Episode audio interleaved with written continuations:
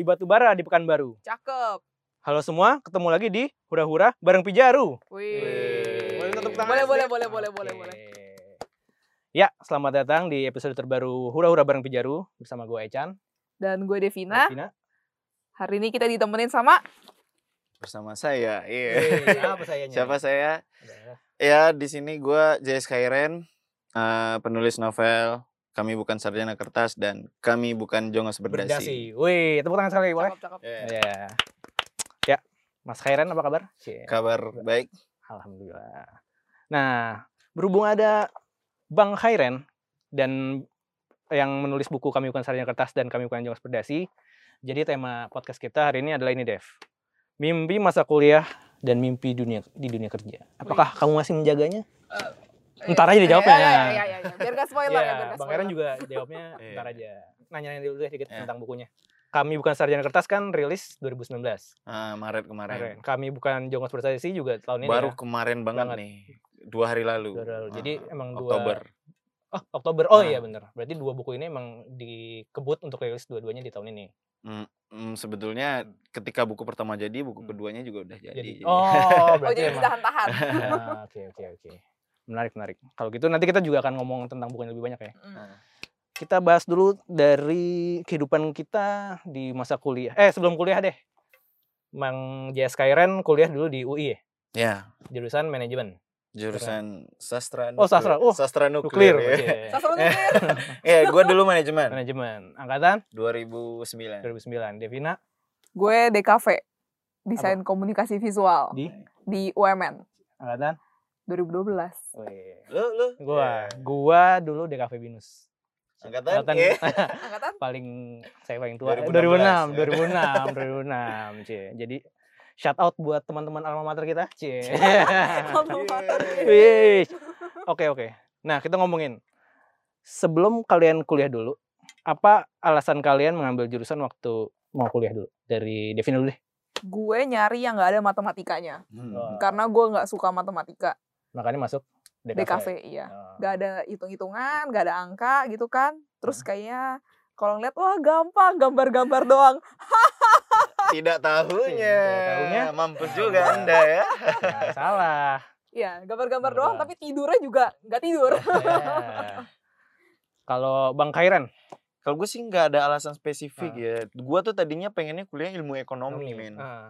Lu kan IPS terus ilmu Iya. ekonomi terus jadi menteri apalah pokoknya bayangannya kuliah ilmu ekonomi itu keren banget. Iya. Tapi akhirnya dapetnya ilmu manajemen gitu. Iya. Dan ya udah masih setali tiga uang kan, masih ngomongin bisnis Hmm. gitu. Masih ngomongin strategi ya gitu-gitu sih. Oh, tapi pilihan manajemen tuh emang dari lo sendiri atau dari Dari gue sendiri. Dari lo sendiri Hmm. emang pengen ke situ ya? Hmm. Yang agak yang agak bermasalah dengan or- orang tua tuh nanti eh, itu tentang pilihan pekerjaan. Oh, Nah, gitu. Kalau pilihan kuliah nggak masalah. Aman ya? Aman. Karena jurusannya hitungannya ya orang tua paham lah apa yang Ya, akan ya. dipelajarin gitu. Ah. Lu aman gak deh mau masuk DKV? gue justru disuruh masuknya manajemen. Coba baru ketemu lo di kampus. Iya. Manajemen aja udah cari kerjanya gampang. Oh, belum tentu juga. Kata ya. siapa? Iya. Nggak tahu sekarang lulusan manajemen ada berapa banyak kan ya. Nah. Saingannya, hmm. Hmm. Terus lu meyakinkan orang tua lu biar mau nguliahin lu di DKV? Oh gimana? nyokap gue mah murah ngeliat ini ada iklan kan di Ah. Kompas waktu itu UMN diskon Ah. beneran seriusan gak bohong apa apa eh, yang beasiswa yang lu cuman masukin rapot Ah. terus langsung dapat potongan 25% itu Oh. ya udah gue langsung kayak ya udah ini aja mah tuh dah ya oke ya sip oke terima Berarti promo di itu ngaruh banget buat orang tua Emang. akan. Nah, ya ya. Baik baik baik. Nah, sebelum kalian masuk ke kuliah dulu, kalian membayangkan akan seperti apa kuliahnya ketika misalnya lu mau masuk manajemen, wah gue bakal belajarin ini, ini dan gue akan lulus jadi seorang misalnya ekonom yang Gue masuk manajemen tuh bayangannya ya belajar bisnis, belajar perusahaan, belajar ya bisnis lah intinya. hmm, Bayangannya ya jadi manajer. jadi manajer. Jadi manajer begitu lulus, entah itu perusahaan, entah itu perusahaan swasta, entah itu BUMN. Kalau lu masuk DKV, nggak kebayang apa apa sih gue yang penting kuliah aja dulu. iya yang penting kuliah aja dulu maaf nih gue kalau Iya. ditanya ke depannya mau kayak gimana nggak tahu gue mah udah jalanin dulu aja yang penting hidup kan Iya iya. Iya benar juga sih. Bener juga lu. Tapi lu gak ada cita-cita, wah lu di kafenya film kan? gue film ya tapi tadinya gue nggak mau ambil film Oh, tadinya mau? gue tadinya mau ambil animasi kalau nggak game Wah. Hmm. Iya. Tapi untuk spesifik mimpi mau jadi apa ketika masuk kuliah tuh gua nggak ada maksudnya ada. Iya. spesifik jadi manajer uh, Ah. BUMN di bidang ini tuh nggak ada ada. maksudnya ya udah kayak ya udah kita lihat aja tapi ya mungkin jalannya akan terbuka Hmm. sendiri Hmm. Tapi lu tahu Betul, bidang betul. yang akan dimasukin dulu Ah. aja gitu ya. Hmm, Oke oke oke.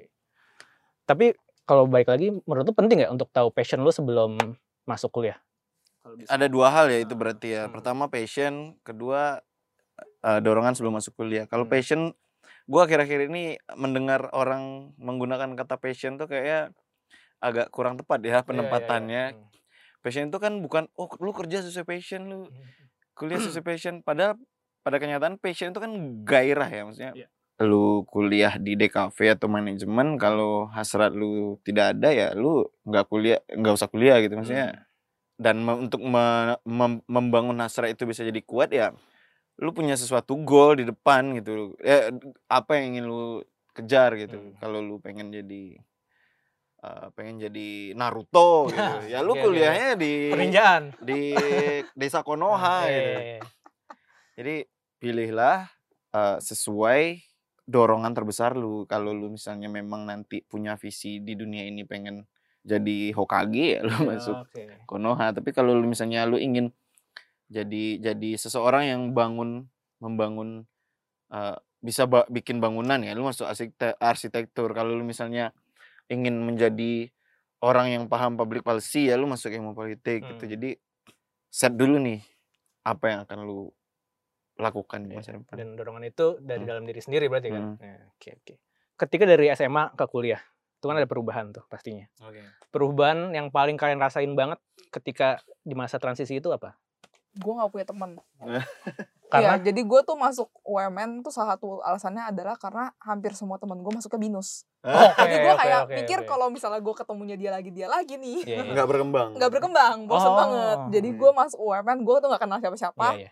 Sampai pas hari pertama itu gue ketemu sama Tika, ya yang sekarang udah resign, Oh, dadah iya. Tika. Dulu Tika anak bijari juga Iya, ya. dulu Tika anak For juga. information nih buat pendengar. Iya, Nih, kalian. Tika dan Cele nih, Iya. Cele kan. Cele ya. merekamkan ini, Heeh. hai Cele. Hai Cele. Ya itulah bedanya biasanya gue kayak hahaha berisik gitu kan punya banyak temen satu geng segala macam terus pas yang udah kuliah gue kayak yang wait tunggu gue gak kenal siapa-siapa gue kayak em oke Oke. itu sih yang paling beda yang berasa yang paling berasa ya Hmm. Terus lu mengakali itu akhirnya mencari teman ini gimana? Enggak makan aja udah ntar juga temennya ada sendiri Oh, oke oke. gitu kan lu kalau misalnya makan Iya, bareng iya. ngobrol-ngobrol-ngobrol itu jadi temen Dan pikiran lu itu berarti akan organik aja lah ya pasti teman Iya. akan akan datang sendiri Heeh, gitu. Jalan aja udah ntar Iya. juga kenalan sendiri gitu Kalau Khairan deh. karena gua tuh merantau ya gua Ah. tuh SM, dari lahir sampai SMA tuh di Padang jadi ketika pertama kali datang ke tanah rantau ya beda aja semuanya Hmm. benar-benar berbeda kalau lu bilang lu nggak punya teman gua nggak punya banyak nggak punya teman nggak punya pandangan ini dunia seperti Oh, apa pergaulannya kayak Iya. gimana Nggak tahu jalan kali ya. ah, cara orang ngomong di sini gimana Hmm. cuma hari gua pertama datang tuh Hmm. saking gua kepo ya dengan dunia baru ini Hmm. kan di Depok tuh Margonda oh ada kereta itu sesuatu yang nggak ada di kampung gue di. Padang ada kereta kereta batu bara yang da- yang lewatnya cuma sekali berapa Iya, iya. kapan tahu gitu kalau KRL kan tiap lima menit gitu Iya. nah dekat kosan kosan itu kan ada stasiun kereta gue naik aja apa? Nggak tahu pokoknya ke mana gue naik gitu. Ke mana terakhir gue turun gitu. Hmm. oh gue turunnya di stasiun kota bos. Ini oh. dulu kan awal-awal itu tuh kan stasiun masih belum bagus ya kereta tuh masih nggak jelas. Kereta ekonomi tuh orang masih Iya, manjat-manjat. masih boleh naik di atap. di kereta tuh masih nggak ada tanda ini stasiun apa gitu. Jadi oke. ya udah ini di mana ya? Gue tanya aja jadi di situ aja gue belajar. Oh oke. Baliknya ya udah gue tanya aja lagi mbak saya mau ke stasiun UI oh benar nggak naik kereta ya udah itu pertama kali hari pertama gue nyampe itu, itu yang gue lakukan Oh, waktu. berarti belajar survive dengan Hmm. menantang diri sendiri lah ya. Hmm. Cie, mantap juga lu. Cie. asik Asik ya. Nah, ketika menjalani kuliah, tadi kan lu di kafe, lu manajemen. Kalian merasa berada di jurusan yang tepat nggak ketika udah menjalani karena karena udah satu semester, dua semester, tiga semester lah. Kayak wah bener, nih ini emang kayak tadi dibahas nih emang hasrat gue nih emang impian gue nih ada di sini nih. Atau Hmm. kalian merasa waduh ternyata bukan ini nih. kalau gue semester 1 semester 2 tuh sebenarnya B aja ya jadi Hmm. maksudnya apakah nanti akan jadi karir gue apa enggak gue Hmm. juga belum tahu Hmm. sebetulnya Oke. karena spesifik goal itu benar-benar nggak ada Nah, dulu ya Penting jalanin dulu semua Ah, berarti ah. ya. ketika gua kerja gua akhirnya kerja sesuai jurusan itu strategi konsultan sempat kerja tiga tahun Hmm. jadi ya cocok-cocok aja cuma nanti sepanjang kuliah itu gua bukan melahirkan hal baru ya tapi gua ada hal ya, hobi sesuatu yang gua senangi dari dulu akhirnya gua dapat wadahnya di kampus yaitu nulis gitu. Oke. ya udah gue pelan-pelan nulis nulis lama-lama kok jadi pengen bikin buku gitu ada yang support ada yang ngetawain tapi ya akhirnya terbit juga gitu Hmm, jadi, Jadi juga ya. Ah. Hmm, Oke. Kalau lu Dep pas lu kuliah di kafe yang tadi lu mikir nggak ada hitung-hitungan, nggak ada apa? Oh, gue sangat puas orang beneran gak ada Oh, hitung-hitungan. iya, iya. Tapi ada yang lain kan? gue sempat gue sempat berpikir kayak gitu juga karena Ah. kan SMA IPS ya Iya. kirain tuh ekonomi tuh manajemen tuh Hmm. nggak ada hitungannya bos ah, tidak tahunya Oh, hitungan iya. semua. Justru. statistik Iya. statistik satu statistik dua mikro makro brr akuntansi biaya Aduh. Lanjut. Apa ya tadi? Tadi lu merasa DKV tuh jurusan yang tepat buat lu nggak pas Oh. kuliah? Iya sama sih Sama. semester 1 2 ya masih Hmm. biasa aja gitu Iya. kan kayak ya ya udah Iya. orang semester 1 2 gue cuma belajarnya tuh lukis, Hmm. Traditional painting, terus gue yang kayak ya gambar anatomi, gambar-gambar perspektif segala macam. Hmm. Gue tuh baru berasanya adalah setelah penjurusan. Itu di semester? Itu semester 3 yang lu harus milih nih, lu mau masuk mana desain grafis kah atau animasi atau Hmm. film. Hmm. Tadinya yang gue mau mi- mikir gue mau animasi, terus gue ngeliat nih, waduh animasi gue belajar 3D. Gue masalahnya nih ya main game 3D, gue mabok. Oh iya. Gue main game 3D itu gue mabok. Terus kalau misalnya gue bikin bikin yang 3D itu baru gue puter-puter, waduh bisa muntah gue. Terus mabuk gue kayak, karena visualisasinya enggak beneran Hmm. mabok, like Ah, physically oke. mabok. Kayak naik mobil, Oh, Oke Ah, oke ah, oke ya, oke. kayak iya, gitu iya, maboknya. Jadi eh, ya motion sickness. Iya. Iya iya iya iya.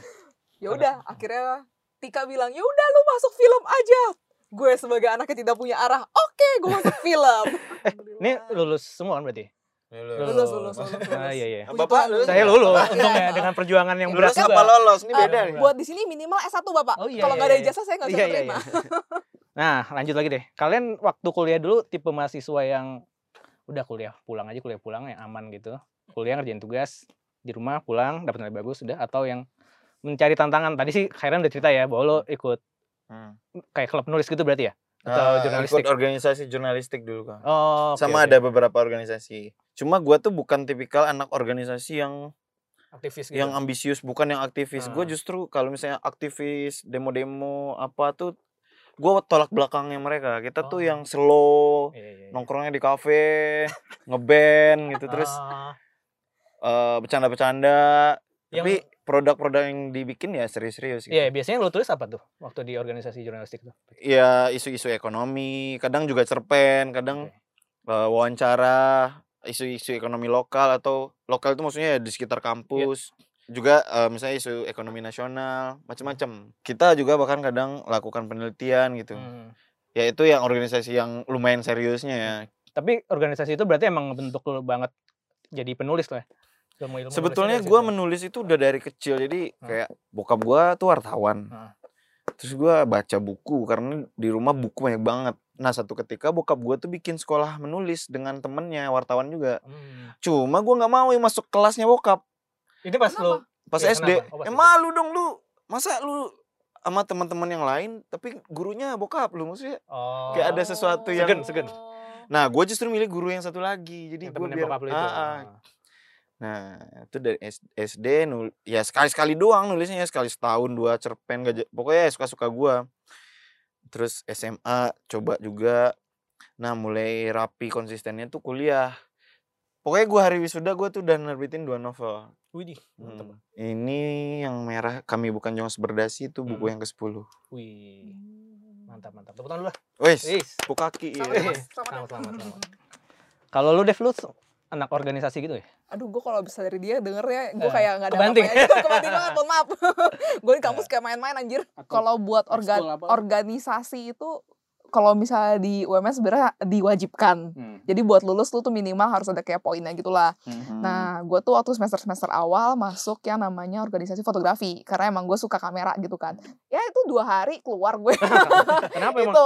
Nggak tahu, nggak demen aja. Oh. Habis itu gue ikut debat apa debate ya bahasa Oh, Inggris oh. gitu kan ya tiga empat kali itu gue keluar sampai akhirnya gue nggak ikut apa-apa jadi gue ikut eh, himpunan mahasiswa doang Himpunan. waktu itu Heeh. jadi eh, ceritanya kenapa gue yang selengean ini bisa keterima adalah eh, waktu itu tanya gitu kayak hmm, Keterima di di himpunan. himpunan, Ah. ha-ha. soalnya kan himpunan kan serius banget gitu kan Ah. terus gue kan kayak agak hahaha gitu gitu kan terus ditanya gitu ya jadi eh, apa alasan kenapa kita harus nerima kamu Hmm. Terus gue cuman ngeliat mereka terus gue kayak kata orang gue bohoki terus gue keterima Jadi mereka merekrut lu supaya mereka dapat hoki juga gitu. kayaknya ya harusnya gue Ya. jadi bendahara soalnya tepat, pilihan tepat. Pilihan yang tepat, pilihan yang tepat. Tapi lu biasanya emang ngurus-ngurus duit enggak juga? enggak juga bendahara cuman Beneran hoki Iya, ya? beneran hoki alhamdulillah iya Oh, berarti emang benar Abis karena itu, itu. eh, lumayan lah ya HMF gue lumayan dikenal Oke, oke, oke. Ya udah. Tadi kita udah ngomongin sebelum kuliah, manggil jurusan, pas kuliah seperti apa dan kita bahas ketika pasca kuliah nih. Menurut kalian penting nggak berkarir di bidang yang sama dengan jurusan kalian kuliah dulu? Nah, itu itu sulit menjawabnya di era sekarang ketika jurusan-jurusan yang ada di perguruan tinggi kita itu udah nggak relevan lagi dengan tantangan dunia kerja, Bos. Betul. Langsung berat. Iya nggak? Iya, Betul. iya, iya. Maksudnya kampus menyediakan 140 SKS dengan sekian banyak jurusan, Hmm. ketika bekerja manajer-manajer HR bilang nggak qualified gitu. Hmm. Ternyata perdebatannya jauh lebih ditarik ke dalam lagi gitu, Hmm. bukan soal penting nggak penting, tapi soal cocok atau Masalah enggak, cocok. soal perlu ada atau enggak lagi Hmm. nih perguruan tinggi. Kalau emang perlu ada, apakah perlu direformasi, apakah perlu dibikin jadi relevan dengan zaman sekarang gitu. Cuma kalau gua kalau pengalaman pribadi, Hmm. kalau gua kuliah manajemen ya gua tiga tahun buat di strategic consultant Hmm. sambil gua jalan kreatif nulis novel nulis skrip akhirnya gua dua tahun sempat jalan sendiri jadi independent consultant buat kreatif sekarang ketemu dua-duanya malah gua kerja Hmm. di salah satu startup Dekakorn karya anak bangsa ketahuan banget ya Iya, iya. Nah, itu di bidang kreatif Hmm, development. Nah, itu kan selain mikirin kreatifnya juga mikirin strategiknya. Jadi dua-duanya nemu ternyata nih. Tapi kan kita nggak boleh nutup mata juga. Banyak juga teman-teman kita yang pertama begitu lulus nggak tahu mau ngapain. Iya, Kedua IPK-nya bagus tapi nggak bisa kerja. iya. Banyak yang kayak gitu gitu. Karena 140 SKS ternyata tidak penting semua. Maksudnya yang diajarin coba lu DKV yang kepake sekarang berapa? cuman yang semester berapa doang Nah, anjir Iya, iya. Lu DKV juga. juga. Ya, pakai nggak semua? Iya, Ya, nggak gimana, semuanya. gimana, gimana, gimana, gimana? sarjana 144 SKS gua paling kepake 20 SKS yang Iya. masih relevan Yang masih inget juga kalau kita lihat juga ada yang nyindir-nyindir IPB Institut Perbankan Bogor gitu karena tulisannya jadi bangkir semua. nah, nggak semua juga sih Iya. cuma ada yang ke situ ya kita nggak bisa ngomongin salah atau benar nih di sini karena Hmm. ya realistis juga lah lu lulus lu masuk bank duitnya ada maksudnya ya industri harus beradaptasi sih karena zaman terus berubah lutut makin goyah tantangan bertambah gitu. Nah, semua harus disesuaikan berarti ya. Nah, Ketika masuk dunia kerja, hal apa yang kalian rasakan ternyata, wah ini gue pasti kuliah kok nggak diajarin gini-gini ya? Banyak hal yang nggak ada di silabus. Hmm. Jadi lu kalau IPK lu bagus bukan berarti lu bisa survive aja. oke. Banyak juga yang IPK-nya bagus. Hmm. Lu mampus juga Iya. maksudnya dunia nyata ini penuh tikus busuk kayak misalnya apakah kita diajarin untuk buka jalan? Apakah kita diajarin cari peluang? Hmm, oke. Apakah kita diajarin negosiasi? Apakah kita diajarin empati? Apakah kita diajarin membaca orang? Mungkin jurusan tertentu iya, tapi itu basic skill loh harusnya maksudnya basic skill lu sebagai pekerja ah, gitu kan. enggak bekerja doang. ya. Ah, ah, lu mau lu berkarya, Hmm. mau lu berkaryawan, apa pun. Hmm. Karena kalau nggak kayak gitu ya, itu terjadilah tadi di media sosial. Gua nganggur nih, banyak orang nganggur. Hmm. Satu sisi perusahaan juga teriak, wah kita sulit cari orang yang cocok. Jadi ternyata tuh yang tidak ada itu bukan pekerjaannya, bukan juga tenaga kerjanya. Yang tidak ada itu skillnya gitu. Hmm. Kalau Devi ngerasain apa yang Kalau gua mungkin salah satu yang termasuk beruntung karena gua sebenarnya dapat tuh yang kalau misalnya tadi kayak apa lu bilang yang mungkin empati segala macem Oh. gitu-gitu.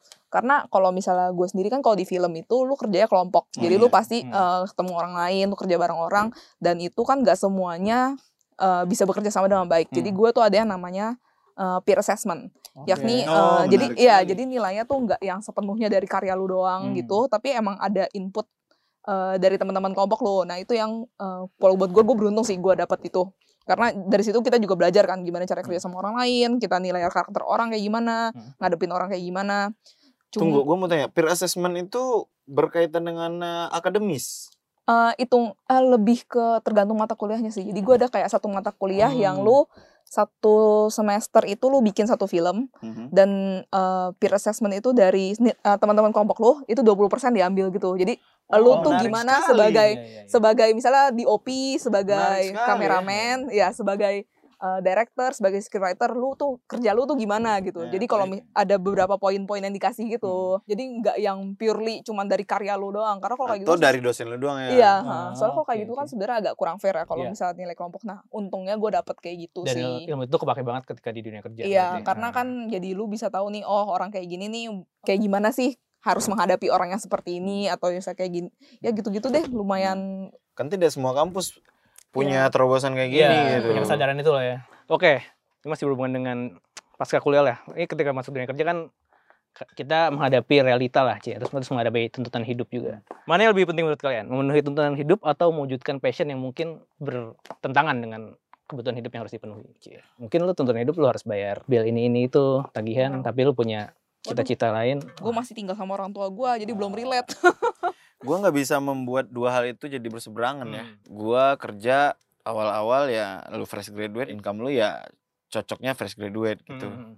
Cuma gue sambil nulis gimana ya? Lu harus memberi makan keduanya sih, Yep. memberi makan eh, kebutuhan hidup lu dan ke- beri makan jiwa lu. Maksud gua kalau lu nggak mau jadi zombie, penting sih memberi makan hidup lu, memberi makan jiwa lu. Tapi orang-orang yang bersedia lapar sebentar tuh Hmm. Kalau misalnya idealis banget ya, Hmm. gue sempat menjalani itu dua tahun. Antara pekerjaan pertama gue, Hmm. ketika gue jalan sendiri, waktu itu gue coba uh, ambil career break, yang gue tetap bisa fleksibel ke mana-mana. Gue sempat sedikit mempertanyakan nih, Hmm. gue apakah gue akan kembali ke dunia korporat atau karena gue mulai naik nih gitu. Hmm. Nah begitu novel yang serinya kertas terbit, dua-duanya terjadi gitu. Novelnya booming banget, Hmm. tawaran dari korporat datang. Gue tanya dulu, tawarannya apa? Oh sesuai banget dengan yang gue kerjain. Kita ngedevelop story, ya udah Oke.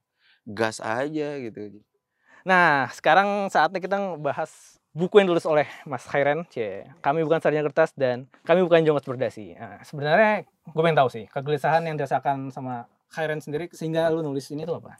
Kami bukan saja kertas ini Hmm. buku ke 8 Hmm. Kami bukan jongos berdasi ini ke 10 Hmm. Dua novel ini Hmm. itu sebetulnya satu kegelisahan besar ya. Hmm. Gue melihat pertama generasi kita kuliah nanti pengen punya gaji besar, nanti pengen jadi pendiri startup, nanti pengen nikah, nanti pengen jalan-jalan ke luar negeri, macam-macam. Begitu lulus, apakah benar orang-orang ini dengan ijazahnya bisa survive gitu? Hmm. ternyata nggak semua yang survive dan malah jadi hebat tuh nggak semuanya yang berasal dari ijazahnya yang bagus. Oke. Ada yang biasa aja, ada yang ya jelek, bahkan nggak kuliah ya biasa, bisa oke. Hmm. Tapi ada juga yang ijazahnya bagus, karirnya bagus, kehidupannya bagus. Nah, kegelisahan itulah pertama dari sudut pandang generasi kita. Kedua dari sudut pandang orang tua generasi kita yang meminta kita tuh kayak kalian ayo jadi raja wali, sukses, hebat. Hmm. Tapi memperlakukan kita sebaliknya, Bos, jadi burung dara. Maksudnya lu pergi camping aja nggak boleh gitu. ya, maksudnya pulang agak malam aja bukan boleh berarti gitu. ya maksudnya kan itu kan lu bibit-bibit networking itu dari situ Iya. gitu. Terus hal-hal kecil kayak mengambil keputusan tidak sedikit teman-teman kita yang kuliah itu paksaan halus orang tua, permintaan Iya. orang tua. Hmm. Dan begitu juga ketika mereka bekerja gitu. Dari kalangan pendidik juga seperti Hmm. tadi gue ceritain. Kedi- Pendidik kita, institusi pendidikan kita udah banyak gak relevan. Yang lu bawa ke dunia kerja itu lebih banyak dari organisasi, lebih banyak dari tongkrongan, lebih banyak dari ngobrol sama senior, dari apa, dari cari sendiri, dari YouTube, dari Google. Dengan dosen ya mungkin ada, cuma apakah sebanyak itu, apakah sesignifikan itu. Hmm. Nah, satu dua dosen di beberapa tempat tuh mulai sadar, mulai menggebrak. Cuma mereka kesepian gitu. Teman-temannya udah zona nyaman, udahlah. Udahlah gini-gini aja gitu. Bersambunglah ke sini, ke kami wujudkan juga berdasi. Lagi-lagi ekspektasi orang tua, ekspektasi lu terhadap lingkungan, dulu dituntut harus sama, lu harus menikah usia sekian, lu harus harus punya gaji sekian begitu lulus. Lu Hmm. kan IPK lu segini, lu kan kampus lu ini minimal ini lah lah lah lah. Hidup lu disetting orang. Kami bukan jongos berdasi. Ketika lu di perusahaan pun tidak banyak yang beruntung yang bisa mendiktet karir dia sendiri gitu. Dia pasif, dia passenger. Begitu juga kegelisahan orang-orang yang mau berkarya. Orang yang mau berkarya ini satu sok, oh gue berkarya keren gitu. Hmm. Tapi nggak tahu petanya. Yang dia bayangin tuh terkenalnya aja, yang dia bayangin tuh bukunya laris aja aja, ya. jadi a- jadi aktornya aja, jadi youtuber 10 juta subscribersnya aja. Hmm. Tapi strugglingnya tunggu dulu bos, gitu. tunggu dulu. Jangan melihat indahnya aja gitu. Jadi kan no- kayaknya berat banget tuh yang diobrolin. Iya. Cuma ya gue coba ringankan, jadi jadikan novel ini komedi persahabatan gitu. Oke, oke, oke. Settingannya yang kuning ini tuh di kampus Yang Udel. kuning tuh kami bukan sarjana kertas ya. Nah, kami bukan sarjana kertas di Hmm. kampus Udel. Hmm. Kalau yang merah kami bukan Jongos Berdasi itu di Bank EE. Eh, Jadi oke. itu sebenarnya singkatannya ada. Itu Iya, singkatan dari ada. sesuatu. Nah di kampus Udel ini ada tujuh mahasiswa beda-beda jurusan. Hmm. Mereka dibimbing oleh satu dosen. Dosennya lulusan rekayasa genetika hewan. Gitu. Ibu Lira ya. Nah, Ibu Lira. Kampus buangan ceritanya bos, Oh, kayak nggak ada yang mau kuliah di situ. Kampus buangan deh. Nah, hari pertama ditanyain sama dosennya, siapa yang merasa pintar di kelas ini? Hmm. Nggak ada yang angkat tangan. Ya orang kita orang buangan. Kalau gitu siapa yang merasa bodoh? Satu orang angkat tangan. Hmm. Si Ogi itu tokoh utama. Nah, turun tangan. Kamu merasa bodoh? Kamu keluar dari kelas. Kamu udah kuliah loh. Maksudnya walaupun ini kampus buangan, seenggaknya kamu calon sarjana. Gitu. Terus teman-temannya ngetawain dia. Dia keluar sedih. Nah, si Bu Lira ini tadinya tuh bawa pizza dua kotak sama satu koper. Pizzanya itu dibagiin Hmm. ke yang ngaku mereka pintar. Jadi sisanya satu kelas itu ngaku pintar akhirnya. Dapatlah pizza gratis. Nah, habis itu koper yang tadi dibawa dibuka. Ibu Lira ini pelan-pelan keluar, digembok dari luar. Karena dia dosen lulusan S3 dari Amerika, lulusan rekayasa genetika hewan, dipencet. Kebuka kopernya. Keluarlah tikus-tikus ratusan. Hmm. dikejar-kejarin tuh orang yang lagi menikmati pizza dan digigit-gigitin dari luar tuh udah digembok pintunya dan dibilang lah kalian kan tadi bilang diri kalian pintar kan gitu. Coba bisa nggak selamat dari tikus-tikus ini nanti di dunia nyata tuh tikus-tikusnya lebih beringas lagi loh. kalian tuh mahasiswa mahasiswa bukan mahasiswa nah itulah openingnya jadi Eh, Chapter 1 tuh ya. Ah, jadi kayak di situ dicoba di disederhanakan bahwa memang generasi kita itu callingnya nggak kuat gitu. Kok generasi kita tuh masih gamang gitu. Jadi Hmm. Oke, berarti tadi dari s- yang sebutin tadi eh, kritik-kritik lo terhadap berbagai pihak itu berarti relevan ketika lo nulis buku ini wajib dibaca oleh pelajar SMA sampai Presiden Korea Utara. Cie. Mau tahu lebih jauh ceritanya? Nah, karena ada satu tokoh namanya Randi Jauhari, dipanggilnya Ranjau. Rambutnya itu klimis-klimis unyu kata Iya, teman-temannya. Kim Jong Un ya. Jadi diplesetin, eh lu rambut Kim Jong Un, bukan Kim Jong Un, Kim Jong Un pakai CH Nah. bos. Jadi ya gitulah. Dibikin komedik itu yang ngajarin gua komediknya dulu tuh Bang Radit tuh dulu. Dika. ah, Oke, waduh ini udah masuk ke akhir acara. Yes. Iya. Iya. Jadi kesimpulan kita di perbincangan ini apa Dev yang lo dapat? Iya. gue kayak harus bersyukur sama hidup kuliah gue habis gue denger masa kuliahnya doi Ternyata Banyak hal yang mesti kita pelajari. Yes. Iya, dan mesti disesuaikan lagi ya entah Betul. di masa kuliah atau di kerja dunia kerja. Oke. Harus bisa beradaptasi lah Bang Heren kalau bisa promo terakhir ke pendengar apa ya mau soal buku ini? Gua cuma mau bacain satu quote. Kalau gua sih nyebutnya igawan ya. Jadi walaupun ini komedi, Mm. di tiap pembatas bab itu gue bikinin satu narasi pendek-pendek gitu. Nah ini narasi di paling halaman pertama. Tiap kita punya musuh besar.